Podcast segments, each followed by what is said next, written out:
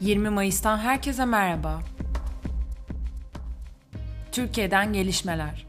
Sedat Peker, Twitter hesabından gazeteci Hadi Özışık ile yaptığı telefon görüşmesine ait iki video yayımladı. İlk videoda Hadi Özışık, Bakan Soylu ile görüştüğünü ifade ediyor. İki sevdiği dost arasında kaldığını beyan eden Özışık, ikinci videoda ise Peker'in YouTube üzerinden yayınladığı videoda adının çıkarılmasını istiyor ve Süleyman Bey ile görüşmeye giden Süleyman Özışık demecini veriyor. CHP Cumhurbaşkan Vekili Özgür Özel, Salı günü Halk TV'de katıldığı bir programda Süleyman Özışık ile Hadi Özışık kardeşleri işaret ederek iki ismin Bakan Soylu'nun mesajlarını organize suç örgütü lideri olduğu gerekçesiyle hakkında iddianame hazırlanan Sedat Peker'e iletip iletmediğini sormuştu. İddia üzerine internethaber.com sitesinin kurucusu Hadi Özışık, programın sunucusu Fatih Ertürk'e görüşen şerefsizdir mesajını göndermişti. İçişleri Bakanı Süleyman Soylu, Sedat Peker'in Twitter hesabından paylaştığı videolar sonrası gazeteci Hadi Özışık ve kardeşi Süleyman Özışık hakkında da suç duyurusunda bulunacağını açıkladı.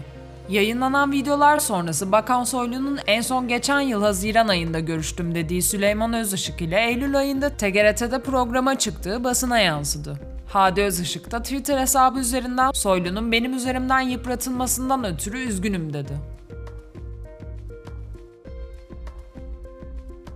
Rusya merkezli havayolu S-7 yaz sonuna kadar Türkiye uçuşlarını tamamıyla iptal ettiğini açıkladı. Rusya merkezli havayolu şirketi Aeroflot, Haziran ayında Türkiye'ye yapacağı uçuşların biletlerinin tamamına yakınını satıştan kaldırmıştı. Yetkililer izin verirse Aeroflot'un her hafta Türkiye'ye iki uçuş yapacağı belirtilmişti.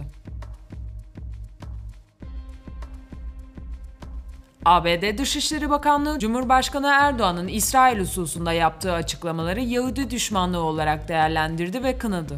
Açıklamada antisemitik dilin hiçbir yerde yeri yok denildi.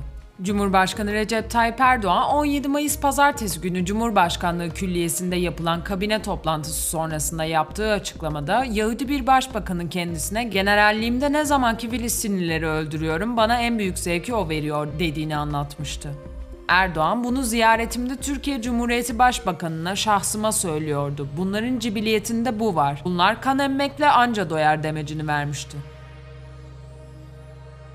Dünyadan gelişmeler. Lübnan'da geçici hükümette görev yapan Dışişleri Bakanı Şarbel Vehbi istifa etti. Cumhurbaşkanı Michel Aoun da istifayı kabul etti. Lübnan Dışişleri Bakanı Şarbel Vehbi, Suudi Arabistan'ın halkı için bedevi benzetmesi yapmış, IŞİD'in varlığından Körfez'deki Arap krallıklarını sorumlu tutmuştu.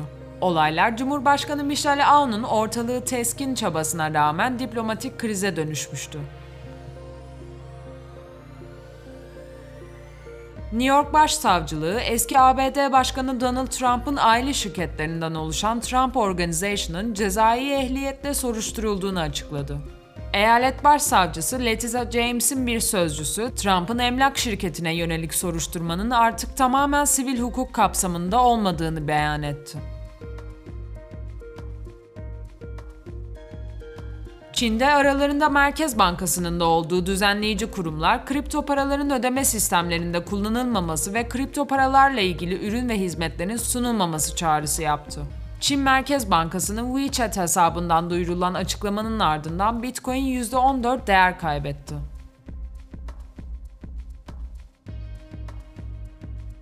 Rusya parlamentosu aşırılık yanlısı örgütlerin üyelerinin milletvekili olarak faaliyet göstermesini engelleyen bir tasarıyı onayladı.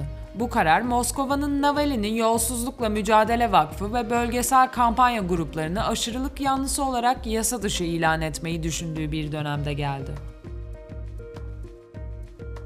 Almanya Dışişleri Bakanı Heiko Maas, Rusya doğalgazını Baltık Denizi'nin altından Avrupa'ya taşıyacak olan Kuzey Akım 2 projesiyle alakalı ABD'nin yaptırım muafiyeti vermeyi planladığını açıkladı. Novus'la gelişmeleri dinlediniz. Hoşçakalın.